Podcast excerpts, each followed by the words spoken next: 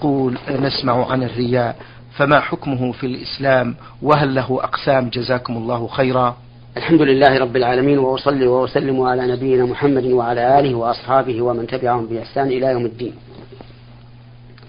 الرياء أن يعمل العمل أن يعمل العبد عملا صالحا ليراه الناس فيمدحوه به.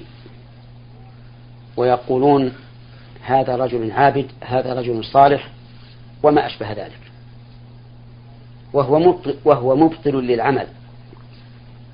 إذا شاركه من أوله. مثل أن يقوم الإنسان ليصلي أمام الناس ليمدحوه بصلاته. فصلاته هذه باطلة. لا يقبلها الله عز وجل. وهو نوع من الشرك. قال الله تبارك وتعالى في الحديث القدسي أنا أغنى الشركاء عن الشرك من عمل عملا أشرك فيه معي غيري تركته وشركه ولا شك أن المرائي مشرك مع الله لأنه يريد بذلك ثناء الله عليه وثواب الله ويريد أيضا ثناء الخلق. فالمرائي في الحقيقة خاسر لأن عمله غير مقبول ولأن الناس لا ينفعونه. لقول النبي صلى الله عليه وعلى آله وسلم لعبد الله بن عباس رضي الله عنهما واعلم أن الأمة لو اجتمعوا على أن ينفعوك بشيء لم ينفعوك إلا بشيء قد كتبه الله لك ولو اجتمعوا على أن يضروك بشيء لم يضروك إلا بشيء قد كتبه الله عليك. ومن أخلص عمله لله. ولم يراع الناس به فإن الله تعالى يعطف القلوب عليه ويثنى عليه من حيث لا يشعر فأوصي إخوان المسلمين بالبعد عن الرياء في عباداتهم البدنية كالصلاة والصيام. والمالية كالصدقة والإنفاق والجاهية كالتظاهر بأنه مدافع عن الناس قائم بمصالحهم وما أشبه ذلك.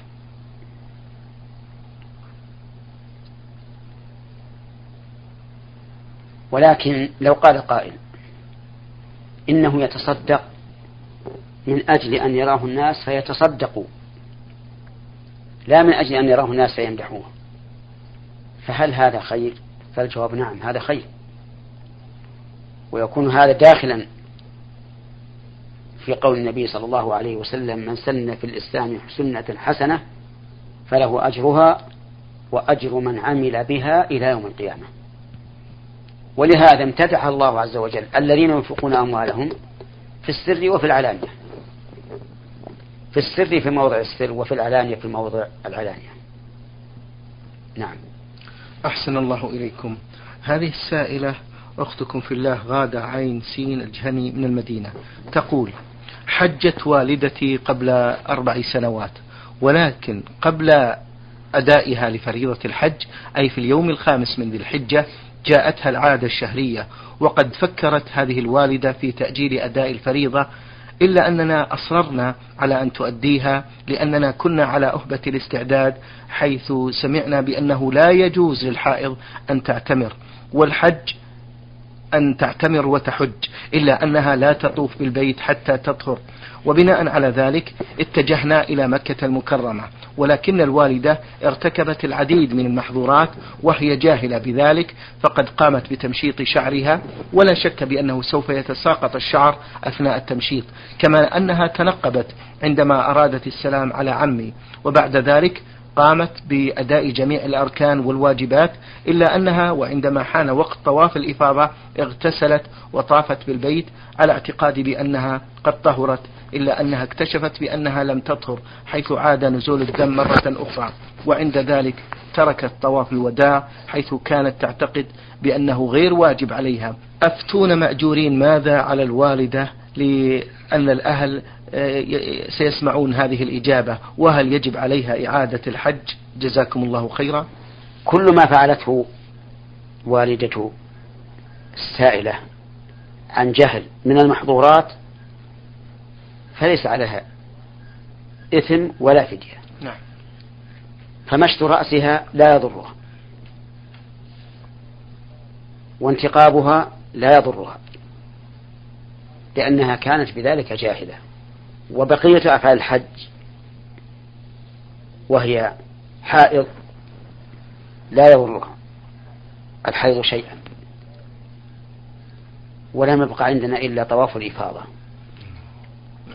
وقد طافت كما في السؤال قبل أن تطهر من الحيض وحينئذ يجب عليها الآن أن تسافر إلى مكة لأداء طواف الإفاضة. ولا يحل لزوجها أن يقربها حتى تطوف طواف الإفاضة. ولكن ينبغي أن تحرم بالعمرة من الميقات وتطوف وتسعى وتقصر للعمرة ثم بعد هذا تطوف طواف الإفاضة. وإنما قلنا ذلك نعم. لأنها مرت بالميقات وهي تريد أن تكمل الحج. فالأفضل والأولى لها أن تحرم بالعمرة وتتم العمرة ثم تطوف طواف الإفاضة. ثم ترجع إلى بلدها. فإن رجعت من حين أن طافت طواف الإفاضة فهو كاف عن الوداع. إلا إن بقيت بعده في مكة فلا تخرج حتى تطوف للوداع حتى تطوف للوداع. الشيخ تساهل كثير من الناس في هذه المناسك وعدم يعني سؤالهم أهل العلم مع أنهم متواجدين ولله الحمد. ما توجيهكم في ذلك؟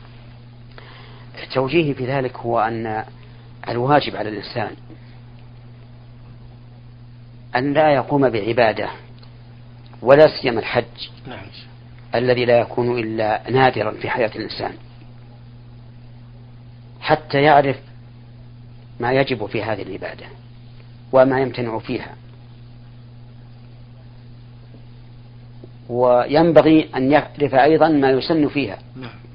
وما وما يكره. وأما كونه يمشي بدون هدى فهذا على خطر عظيم. وإذا كان الإنسان لو أراد السفر إلى بلد من البلدان لم يسافر إلا وقد عرف الطريق فكيف بالسفر إلى إلى إلى الآخرة؟ الله أكبر. كيف يخاطر ويمشي في طريق لا يدري ما هو؟ ثم إن من الناس من يبقى مدة بعد فعل العبادة ثم يسأل بعد ذلك وهذا قد يكون معذورا من جهة أنه لم يخطر بباله أنه أساء فيها ثم مع كلام الناس والمناقشات يتبين له أنه أخطأ فيسأل. ونضرب لهذا مثلا كثير من الناس يخفى عليه. أن الإنسان إذا جامع زوجته وجب عليه الغسل وإن لم ينزل. فتجده قد عاشر أهله مدة طويلة على هذا الوجه ولا يغتسل. ثم بعد سنتين أو ثلاث يسأل. وهذا خطر عظيم لأن هذه صلاة هكذا كان الإسلام بعد بعد الشهادتين. ولهذا نقول وإن لم ترد في السؤال نعم. إن الإنسان إذا أنزل المني لشهوة وجب عليه الغسل بجماع أو غير جماع حتى بالتفكير. وإذا جامع وجب عليه الغسل سواء أنزل أم لم ينزل. فلذلك ننصح إخواننا إذا أرادوا العبادة أن يتعلموها قبل أن يفعلوها. وإذا قدر أنهم فعلوها بدون سؤال ثم أساءوا فيها فليبادروا بالسؤال حتى تبرأ ذممهم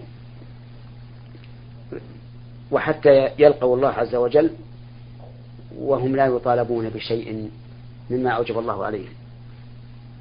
نعم. أحسن الله إليكم. من أسئلة هذه السائلة تقول فضيلة الشيخ من المسلم به بأن الحب هو شيء خارج عن إرادة الإنسان وليس بيده فهل يأثم الشخص إذا كان يحب أحد الوالدين دون الآخر؟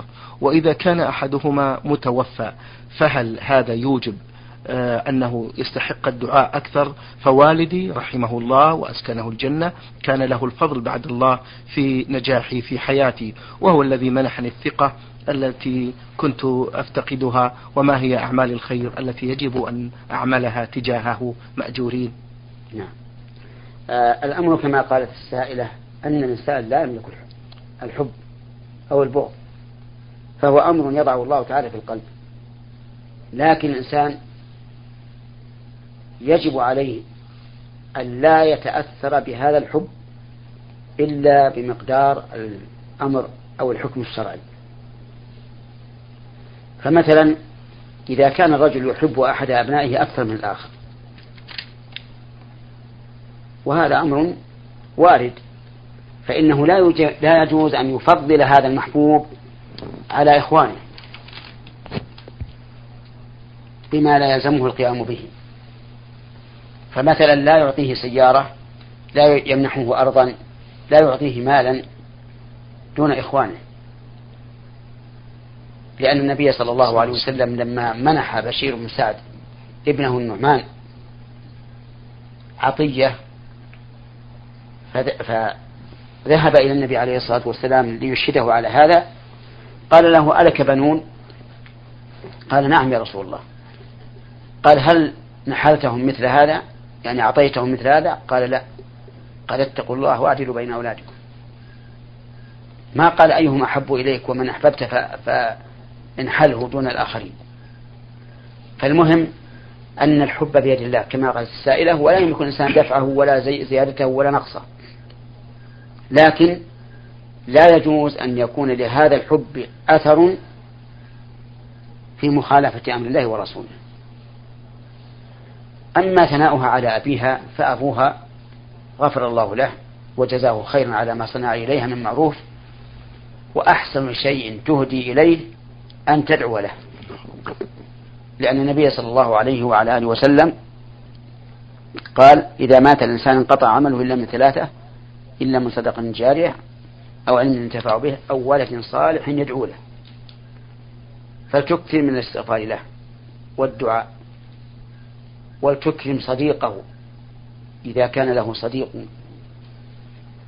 و ولتصل الرحم التي هو الصلة بينها وبينها وبينه. نعم. أحسن الله إليكم. تستفسر عن موانع الدعاء تقول فلقد دعوت الله أن يرزقني بالزوج الصالح ولكن للأسف من يتقدم لي غير ذلك. وقد تقدم لي أحد الأشخاص الذين أو الذي يبدو عليهم الصلاح إلا أنه كان متزوجا فرفضته لأنني لا أقبل نفسيا أن أكون الزوجة الثانية وأن تكون سعادتي على حساب تعاسة الآخرين. فهل تأثم في رفضه؟ كما أنه تقول يراودني شعور بأنني سأظل بلا زواج طول عمري ومهما دعوت فلن يستجاب لي. هل هذا الشعور هو تحقيق لقول الرسول صلى الله عليه وسلم قلب المؤمن دليله؟ أولا نقول لها ولغيرها. إن الله سبحانه وتعالى قد يمنع إجابة دعوة الشخص. لخير يريده لهذا الشخص. فلا يستعجل الإنسان بل يلح في الدعاء. والإنسان إذا دعا ربه لن يخيب. الله أكبر. أولا أن الدعاء عبادة يؤجر عليها ويثاب عليها. ثانيا أن الله تعالى إما أن يجيب دعوته أو يدخرها له يوم القيامة أو يصرف عنه من السوء ما يقابل ما دعا به أو أكثر. ومع ذلك نقول ألح في الدعاء فإنك إنما تدعو غنيا كريما جوادا. ولا تيأس. ولهذا جاء في الحديث يجاب لأحدكم ما لم يعجل. قالوا كيف يعجل يا رسول الله؟ قال يدعو ويدعو ويدعو فيقول لم لم يجب لي أو كلمة نحوها فيستحسر عن الدعاء. فهذه المرأة نقول لا تيأس من رحمة الله. كرر الدعاء. وأما كونه يتقدم لها رجل ذو دين ولكن معه زوجة أخرى فتمتنع من الإجابة من أجل الزوجة الأخرى. فلا أرى لها ذلك. ما دام الرجل صالحا ذو خلق ودي ذا خلق ودين فلتجبه. وقولها لا أحب أن تكون سعادتي بشقاء الآخرين هذا غلط. فإن الآخرين لا يبغى لا ينبغي لهم أن يشقوا بذلك. فلا ينبغي للمرأة أن تغلبها الغيرة. بحيث تشقى إذا تزوج زوجها. لأن تعدد الزوجات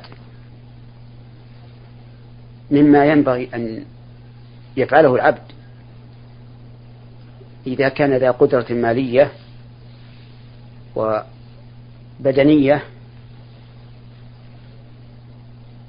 وآمنا من الجور والميل. فإن في كثرة النساء كثرة الأولاد وكثرة الأمة وتحصين فروج كثير من النساء الباقيات في البيوت وهو من نعمة الله عز وجل. ولولا أن الحكمة في تعدد الزوجات ما شرعه الله عز وجل ولا أذن فيه. نعم إذا كان الإنسان قليل المال أو ضعيف البدن أو خائفا ألا يعدل فهنا نقول الأفضل أن تقتصر على ما عندك وتسأل الله التوفيق. نعم. أحسن الله إليكم يا شيخ. آه، أبو فيوض العتيبي من الرياض يقول هل غسل الجنابة مثل غسل يوم الجمعة أو آه، غسل التنظف؟ هو ينبغي أن يقول هل غسل الجمعة كغسل الجنابة. نعم. لأن هذا أولى. غسل الجنابة وغسل الجمعة السواء. بمعنى أن الإنسان عندما ينظف فرجه من أثر الجنابة يتوضأ وضوءا كاملا ثم يفيض الماء حتى يروله ثلاث مرات ثم يغسل سائر جسده. هذا في الغسل من الجنابة ومثله الغسل يوم الجمعة ومثله الغسل عند الإحرام بحج أو عمرة. وإذا اغتسل من الجنابة واقتصر عليه كفاه عن الوضوء فيما بعد. ولكن يجب أن نلاحظ أن المضمضة والاستنشاق واجبان في الوضوء وواجبان في الغسل. لا بد منهما. فإذا اغتسل بنية رفع الجنابة مع المضمضة والاستنشاق وهما من الغسل لكني ذكرتهما لأن بعض الناس يظن أن الغسل ليس فيه مضمضة والاستنشاق فإنه يكفيه عن الوضوء. حتى لو انغمس في بركة ماء ثم خرج وكان انغمس بنية غسل الجنابة ثم خرج وتمضمض واستنشق فليذهب فليصلي. لأن غسل الجنابة مبيح للصلاة. قال الله تبارك وتعالى يا أيها الذين آمنوا إذا قمتم إلى الصلاة فاغسلوا وجوهكم وأيديكم إلى المرافق وامسحوا برؤوسكم وأرجلكم إلى الكعبين. وإن كنتم جنبا فاطهروا. ولم يذكر الله سبحانه وتعالى في الجنابة إلا التطهر وهو الاغتسال. ولم يذكر الوضوء. فدل هذا على أن الغسل من الجنابة رافع للحدث الأصغر والأكبر. نعم. أحسن الله إليكم.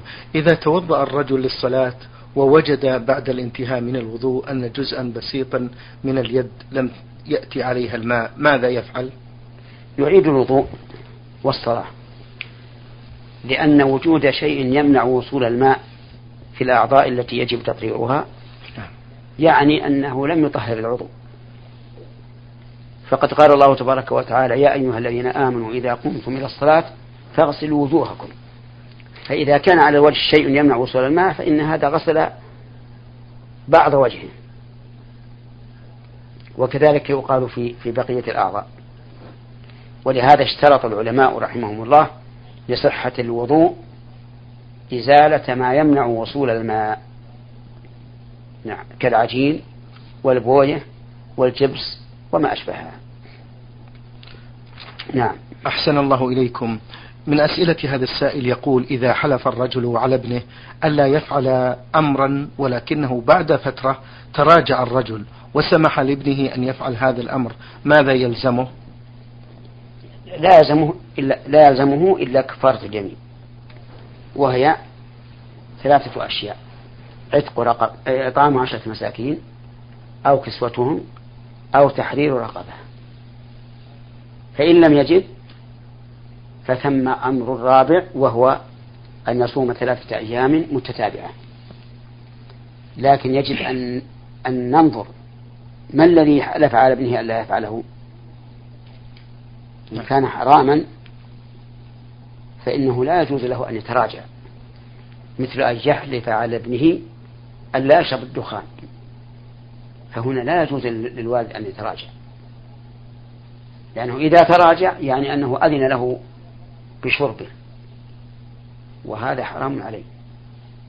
أما لو كان مباحا بأن حلف على ابنه أن لا يخرج في نزهة بصحبة أخيار ثم تراجع فهنا نقول عليه كفارة اليمين التي ذكرناها. نعم. أحسن الله إليكم. هذا لكن بالمناسبة تفضل. أود أن لا يكثر الإنسان الحلف. ثم إذا احتاج إلى اليمين فليقرنها بمشيئة الله. فيقول والله إن شاء الله لأنه إذا إذا قرنها بمشيئة الله استفاد فائدتين عظيمتين. الفائدة الأولى أن الله ييسر له ما حلف عليه. والفائدة الثانية أنه إذا لم يتيسر لم تلزمه الكفارة. ودليل ذلك ما جاء في السنة حيث حكى لنا رسول الله صلى الله عليه وعلى آله وسلم عن سليمان النبي عليه الصلاة والسلام أنه قال يوما لأطوفن الليلة على تسعين امرأة. كل امرأة تلد كل واحدة منهن غلاما يقاتل في سبيل الله. الله فقيل له قل إن شاء الله. فلم يقل. لقوة عزيمته. الله فطاف على تسعين امرأة. جامعهن. فولدت واحدة منهن شق إنسان. نصف إنسان. ليعلم العبد أن الأمر بيد الله عز وجل. ولهذا قال الله لنبيه ولا تقولن لشيء إني فاعل ذلك غدا إلا إن شاء الله. قال النبي صلى الله عليه وعلى آله وسلم في قصة سليمان لو قال إن شاء الله لم يحنث يعني لو لولدت كل واحدة غلاما يقاتل في سبيل الله. أما دليل الثاني وهو أن الإنسان إذا قال إن شاء الله فحنث في يمينه فلا كفارة عليه فقد ثبت عن النبي عليه الصلاة والسلام أن من حلف فقال إن شاء الله فلا حنث عليه. لذلك ينبغي لكل إنسان حلف على شيء أن يقرن حلفه بمشيئة الله فيقول والله إن شاء الله أو والله لأفعلن كذا إن شاء الله. أو والله لأفعلن هذا بمشيئة الله. وما أشبه ذلك. نعم. أحسن الله إليكم.